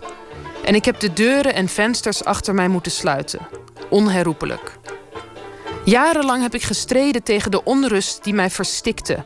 En jarenlang getracht om voor mijzelf te verheimelijken wat tenslotte niet meer verheimelijkt kon blijven. Ik heb mijn uiterste best gedaan om je dit verdriet te besparen. Maar een kracht sterker dan de mijne heeft mij gedwongen tot deze daad, waar ik zelf nooit de moed voor gevonden zou hebben. Ik moest je verlaten, Emily. En hoe bitter deze waarheid ook is, ik zou haar kunnen verzwijgen. Misschien ben ik alleen door mijn samenleven met jou tot dit dieper inzicht in mijn eigen leven gekomen. En heb je daardoor toch meer voor mij gedaan dan ik wel meende op de dag dat ik je zo lafhartig verliet. Maar dit betekent tegelijkertijd dat alles tussen ons is geëindigd. En ik weet dat zee en wolken mij voeren in een richting weg van jou en zonder terugkeer. Hij uh, is zoekende en uh, hij reist naar de zuidkust van Engeland, naar Cornwall. En daar betrekt hij een klein hotel. En daar ontmoet hij dus diverse mensen, onder andere de twee meisjes. En die meisjes ja, die zijn heel verschillend. de een is um, Juana, heet de een. En die noemt zichzelf Juan. Die wil dus niet een meisjesnaam hebben, maar een jongensnaam. En die is daar met een nurse, een zuster. En die is heel naar tegen haar. Dus dat valt deze man meteen al op. Van, oh god, wat is er met dat arme meisje aan de hand? Die wordt de hele tijd afgebekt door die, uh, door die nurse. En uh, nou ja, hij, daar voelt hij zich al enigszins betrokken bij. Het rare is dat Nettie is dus een vrouw. Dus het is een vrouwelijke schrijfster. Dat weet je als je het boek gaat beginnen. Het is geschreven in de ik, in de ik-persoon. Ja. En het duurt een aantal bladzijden voordat je doorhebt dat de ik-persoon geen vrouw is. Ik dacht, het is net het beeld van een vrouw die een burn-out heeft en die haar man verlaten heeft. Maar die man heet Emily. Dus je vermoedt dan een soort lesbische verhouding. Verhouding, ja, dat had ook gekund natuurlijk. Ja, kennelijk is het gewoon zo goed opgeschreven dat je eigenlijk niet weet of je met een man of een vrouw van doen hebt. En ik dacht, eh, ja, het is wel grappig dat je het zegt. Want zelf moest ik ook aan Nettie denken toen ik dat begin las. Omdat ik ehm, weet dat eh, zij eh, eigenlijk op dezelfde manier bij Nijhoff, haar man, is weggegaan na een paar jaar huwelijk. Met, weliswaar met medenemen van het kleine zoontje. Maar eh, ook vrij abrupt. En ook meteen met de auto een ontsnappingsroute ver, nou ja, meteen naar Zuid-Frankrijk of naar het zuiden gereisd in de auto. Een andere liefhebber van Nettie Nijhoff is schrijfster Marja Pruis. En liefhebber is eigenlijk zacht uitgedrukt. Haar debuut ging over Nettie Nijhoff. Een boekje uit 1999 dat onlangs is herdrukt. En dat Pruis nu omschrijft als haar meest gave boek. De Nijhoffs of de gevolgen van een huwelijk. Een mooi persoonlijk verslag van de jonge Pruis... die in de jaren 90 op zoek ging naar allerlei types... die Nettie Nijhoff nog gekend hadden. Waar kwam de belangstelling bij Marja Pruis vandaan? Het was echt het begin van mijn studie. Ik was 18, ik ging Nederlands studeren in Amsterdam. Ik, had, uh, ik zat in een werkgroep, moderne letterkunde. En het was een kandidaatsassistent die de werkgroep begeleidde, Frank Lichtvoet. En die uh, maakte sowieso heel veel indruk op mij. En hij vertelde toen dat het zo grappig is dat je schrijvers hebt die gewoon één boek schrijven. En daarna hoor je niets meer van ze. Weet je, of het blijft bij dat ene boek. En toen gaf hij dus het voorbeeld uh, A.H. Nijhoff. En toen ben ik naar de slechte gegaan. Want hij zei ook van bij de slechte is het nu te krijgen. En het was een hele mooie reeks met Jacoba van Velde, Carrie van Brugge. Ik heb allemaal gekocht. En, en. Nijhoff, ik vond het zo'n heerlijk boek. Twee meisjes en ik. Ook toch een beetje die romantiek. Ook heel erg dat vertellen. En tegelijkertijd had ik dus dat stempel van Frank Lichtvoet. Dat dit goede literatuur was. Uh, ja, het gaat over een broeierige liefde. Het gaat over vrouwenliefde. Wat trok je daarin aan? Het was ook nog eens een keer de tijd dat uh, de tweede feministische golf er aankwam... of op het hoogtepunt was, ik weet niet. Iedereen was in ieder geval heel erg met vrouwen bezig. En uh, dat was ik ook aan het ontdekken. Ik ging met een groepje de tweede seks lezen van de Beauvoir. Het paste ook, weet je wel, binnen die tijd. Dat, uh, ik deed een werkgroep 18e eeuw. Toen las ik ook brieven, romans tussen vrouwen. Op een of andere manier was het gelegitimeerd om juist met vrouwen bezig te zijn. En het was voor mij een verhulde manier om eigenlijk ook met mezelf bezig te zijn, denk ik. Bij de viering van de 70ste verjaardag van Nettie Nijhoff maakte Henk de Bie een interview met haar voor de televisiedocumentaire Het Huis te Valkenisse. Hebt u wel eens het gevoel, laten zeggen, de, ook laten zeggen, de, de lesbische verhoudingen waarin in het boek. Daar wordt dus tegenwoordig veel uitvoeriger, veel opener over Ja. geschreven. Vindt u dat een vooruitgang? Op zichzelf niet. Voor mij heeft het alleen waarde als het gewoon als een eh, normale eh, verhouding bestaat. Als Ja. een normale liefdesverhouding. Wat mij erg in uw werk opvalt, is dat het eigenlijk altijd gaat over mensen en hun relaties en de manier waarop ze op elkaar werken. Dat is voor mij een van mijn eh, punten waar ik altijd over pieker. En altijd Menselijke gedacht hebt ook, ook. Ook als u niet schrijft, is dat voortdurend. Ja. En zoals ik zeg, ook vriendschap vooral is voor mij een enorm groot punt. Vriendschap en de onderlinge verhoudingen in vriendschap en de verschillende. Ja. Dat is voor mij een van de. In alle subtiliteiten In, ook. su- ja, in subtiliteiten. Ja. Al dus de schrijfster van Twee meisjes en ik aan het woord in 1967. Wat opvalt, nu nog, is dat de roman gaat over broeierigheid, seksualiteit, lustgevoelens, overspel. Het verbreken van een huwelijk. En dat verscheen allemaal in 1931. Ja, dat is, eh, dat- is echt het hele bijzondere natuurlijk van dit boek. Eh, daar is, eh, dat, vind ik, ja, hoe zou ik het zeggen, zeer gedurfd in elk geval. Ja, ja maar gewoon wel zoals de werkelijkheid was natuurlijk ook.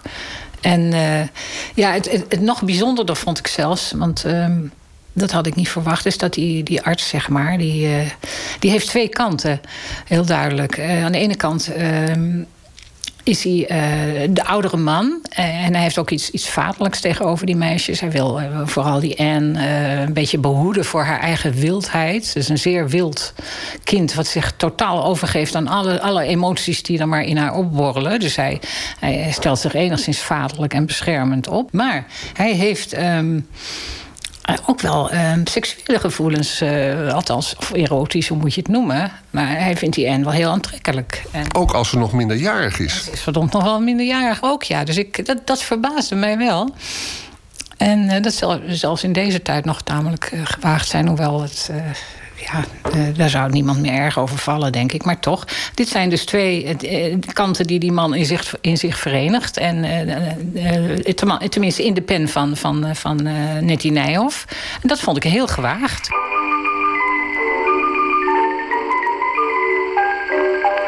De oudste was lang en mager, met brede, bottige schouders en smalle heupen. Die echter met een onmiskenbare gratie wellustig boven de hoge, dunne benen wiegde. Haar sluikenblonde haar was weggekamd van het brede voorhoofd en viel aan weerskanten van de uitstekende jukbeenderen in lange slierten langs haar opgemaakt gezicht naar beneden. Haar mond was groot, met ongelijke tanden en van een brutale onverschilligheid. Maar in de grijze ogen, met een voortdurend zoekende, rusteloze blik, schemerde een beloftevolle glimlach als Charlotte Mutshaars morgen een roman publiceert... waarin ze uh, seksuele gevoelens beschrijft van een man voor een minderjarig kind... Dan, uh, dan zit ze overmorgen bij Jeroen ja. Pauw en met iemand die ja. het veroordeelt. Ja, nee, dan, dan, dan komt daar wel enige rumoer over. Ja, dat... Toen wij deze afspraak maakten, toen zei hij door de telefoon... ja, het is vooral interessant om dat boek, die, wat die lesbische kant betreft... die ook in het boek zit, Um, het woord lesbisch bestond toen eigenlijk niet. Is dat... Het werd nauwelijks gebruikt. Ik heb het er nog eens op nageslagen in uh, een boekje wat ik. Het heet Verkeerde Vriendschappen. Dat is een, een onderzoek. Maar in de, het lesbisch in de gewone spreektaal werd bijna niet gebruikt. Men sprak toen toch in die tijd van waar we het over hebben, over uh, homoseksueel. Ja, of... en zelfs dat werd eigenlijk niet benoemd. Want, Nauwelijks. Hè? Nee. Nee, ook dat woord moet je, komt ook nergens in voor. Ook in dit boek natuurlijk niet. Nee. nee en als je... Een andere, andere soortige relatie. Dat, uh, ja, het had geen naam eigenlijk, nee. En uh, ja, heel opvallend uh, toch dat... To, toen ik de eerste foto zag van Nettie Nijhoff... Dan zie je meteen... ja, dit is een, um, een vrouw die eigenlijk ja, op vrouwen valt. Soms zie je dat gewoon. En dat was ook zo. Ja, ja en Martinez Nijhoff die moet het ook snel door hebben gehad. Ja. Die, die, die... ja maar de, de, de grap is dus dat zij al heel jong zwanger is geworden van hem. Ze zaten samen op school. Ze zaten niet bij elkaar in de klas, maar ik dacht wel op hetzelfde gymnasium. En, uh, en, en ze kregen een, ja, een verhouding. En um, ik denk achteraf die verhouding misschien niet zo eens zozeer ge gebaseerd was op een heftige erotische uh, aantrekkingskracht of verliefdheid. Maar veel meer op een soort geest. Dat ze allebei nogal opstandige, hyperintelligente jonge mensen waren. Die, die zich vreselijk wilden afzetten. En die gewoon samen uh, stoute dingen hebben gedaan. Zo is er door vrienden later ook wel eens over gesproken. Nou, die stoute dingen leidden ertoe dat Nettie al op haar, nou, hoe oud was? Ze was nog een tiener, dat ze zwanger werd. Dus, uh, en aangezien uh, Nijhoff uit een, een, een, goed en rijk milieu kwam, uh, vond in elk geval die familie dat er zo snel mogelijk getrouwd moest worden. En dat hebben ze dus ook gedaan. Ja. ja. Als je de biografie leest, die voor zover je het een biografie kan noemen, het is een boek over deze, dit echtpaar met een focus op Nettie Nijhoff van Marja Pruis. Ja. Ja, dan zie je een speelfilm voor je. Ja, Daar, hè, toch? Er zit echt een film in, ja, zeker. Zeker. Een mooie tijd ook, hè, dat interbellum en zo. Nee, daar zit een geweldige film in. Ook de relatie tussen die twee natuurlijk. Tussen Pom en Nettie, zou ik maar zeggen. Was een hele bijzondere. Want... Um, ook in de tijd dat, dat, dat hij met Emmy van Lokhorst en nog met talloze andere vrouwen relaties had, bleef toch die band met Nettie die bleef, bleef goed. Maar het was vooral een, een, een geestelijke en een vriendschapsband geworden. Waarbij zij uh, elkaars talent proberen uh, te, te, ja, hoe zou ik het zeggen, verder te ontwikkelen. Daar stimuleerden ze elkaar in. Hè, om eruit, want, want Nettie zei al vrij vroeg tegen Nijhoff: Pom, jij bent een dichter. Jij moet, dat moet jij doen, dat is jouw taak. Zo heeft hij het in haar de schrijfster gezien. Ja, ze hadden allebei gelijk, ze hadden allebei dat grote talent. Ja. Als twee meisjes en ik een moraal geeft of een levensgevoel uitstraalt, hoe zou je dat willen omschrijven? Nou, ik denk ja. Uh, ik denk dat elke seks, man, vrouw, zoveel, het recht heeft zoveel mogelijk af te wijken van de stereotypen van de seksen, van de kenmerken van de eigen seksen, als dat het, geval is. Snap je? Dus als je uh, er als een vrouw uitziet, maar je valt op vrouwen, dan, dan, is dat, dan moet dat gewoon uh, kunnen. En uh, dus met, uh, ja, dat is, dat is een moraal eigenlijk die heel modern is. Die, dus voor mij geen kunst, want ik ben natuurlijk een kind van de jaren zestig. Maar voor iemand als Nettie Nijhoff is dat toch wel iets... Uh, ja, het is een, voor haar een ervaringsfeit. Maar ze heeft er toch maar aangedurfd om daar een, een boek over te schrijven. En ook daarnaar te leven zelf. Dat... Ja, en op een hele leuke manier door het vanuit het perspectief van een man te schrijven. Ja, ook dat. Zeker, zeker. Ja, ja. Ja, en ja, ze, had ook ongetwijfeld ook mannelijke trekken, geloof ik. Voor zover je dat kan omschrijven hoor. Dat is ook niet zo belangrijk. Maar uh, een lef had ze zeker.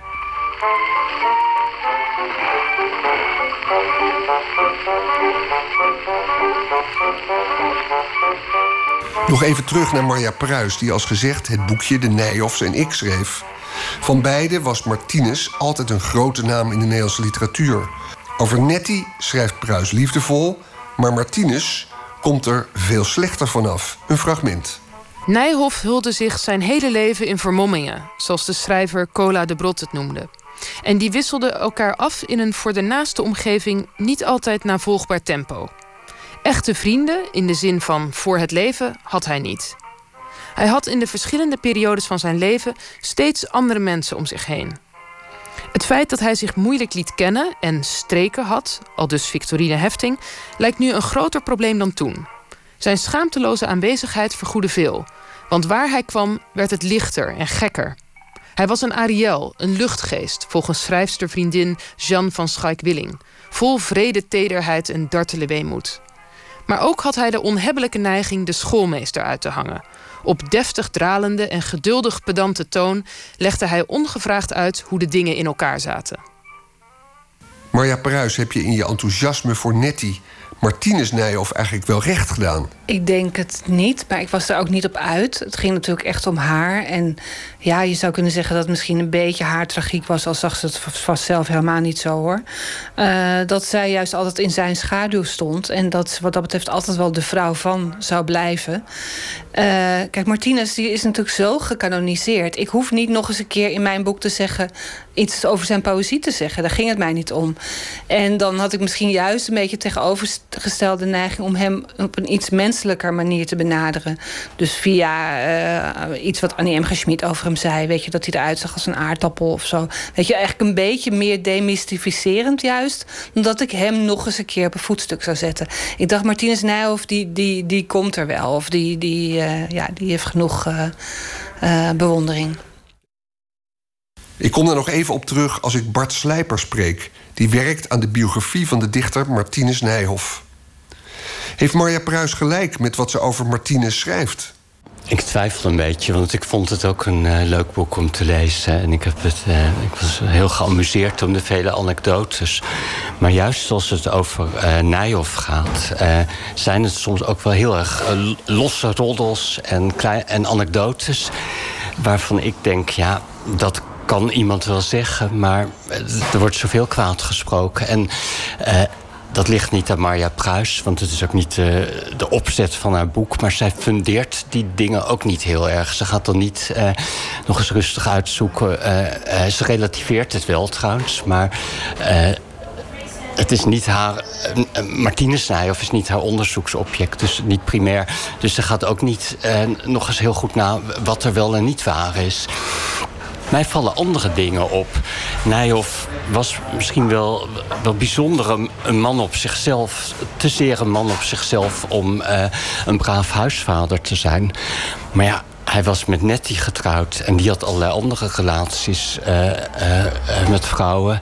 En hij was dus ook, en dat, Nettie wist er ook gewoon van, vrij om te gaan en te staan waar hij wilde. En dan valt mij ook vooral op, wel op zijn grote trouwen op, zijn manier. Hij is eh, tot, tot na de oorlog getrouwd gebleven met, eh, met Nettie. Terwijl ze nooit, nooit echt bij elkaar woonden. Hooguit eh, bij periode. Dus hij heeft pas helemaal aan het eind van zijn leven zijn ze gescheiden. En ook, ook zijn andere relaties... eh, die hebben vaak, eh, vaak jaren geduurd. Dus eh, ja, hij had, hij had wel iets duivels, iets pesterigs. Maar dat had hij niet alleen tegen vrouwen. Dat hoorde een beetje bij zijn persoonlijkheid. Hij heeft Bloem ook het bloed onder de nagels vandaan gepest. En dat, ja, hij, dat, die kant een beetje, dat duivelse zie ik wel. Maar zoals hij in, dit boek... eh, in het boek van Marja Pruis lees je ook wel min of meer tussen de eh, eh, regels door dat hij een vrouw in bed wist te toveren. En bij het ontbijt al zat te denken hoe die, eh, weer, hoe die er weer vanaf moest komen. En dat lijkt mij helemaal niet te kloppen. Nee, hoe, en hoe weet je dat? Nou, dat lijkt me niet altijd te kloppen. Dat lijkt me in ieder geval niet altijd te kloppen. Omdat zijn uh, Nijhoffs relatie met, met Nettie in de eerste plaats... maar ook met eh, Georgette Hagedoorn, waar die eh, mee getrouwd is na de oorlog. En ook met jo van Dam van Isselt.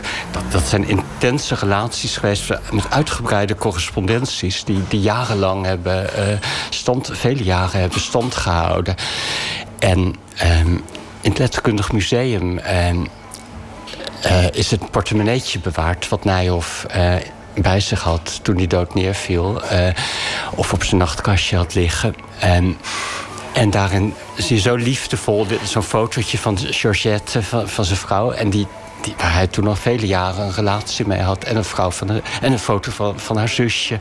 En ja, hij, had, hij heeft ook die, hij, hij heeft een plagerige kant. En, ehm, en hij was allerminst een, een eerzame huisvader. Maar dat, dat zijn verbindenissen met vrouwen voor hemzelf heel groot konden zijn. Hij heeft eh, in de jaren twintig een relatie, eh, een relatie gehad met Emmy van Lokhorst.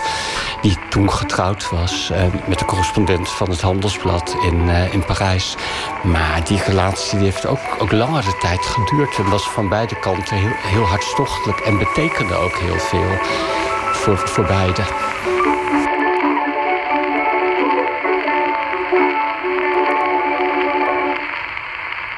Biograaf Bart Slijper die werkt aan de biografie van Martinus Nijhoff... die hij over vier jaar hoopt af te hebben.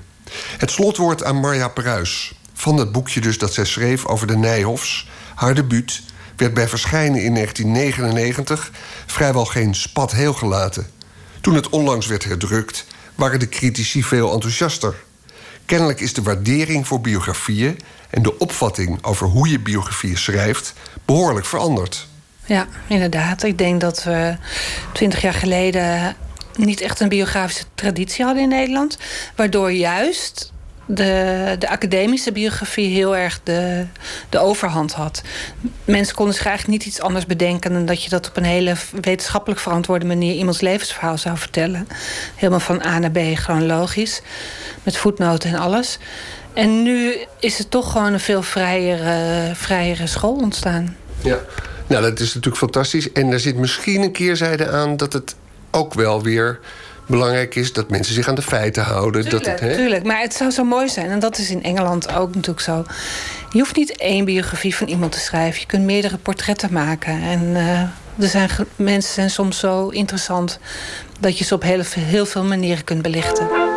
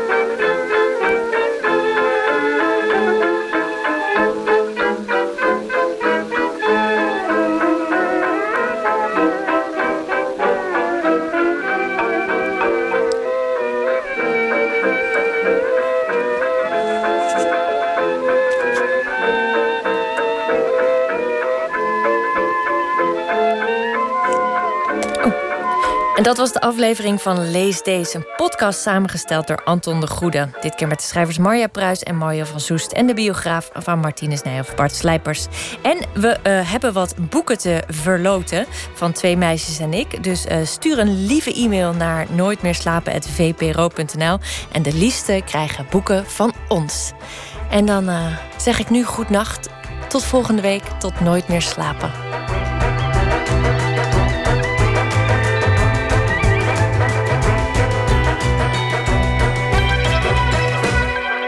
Radio 1, het nieuws van alle kanten.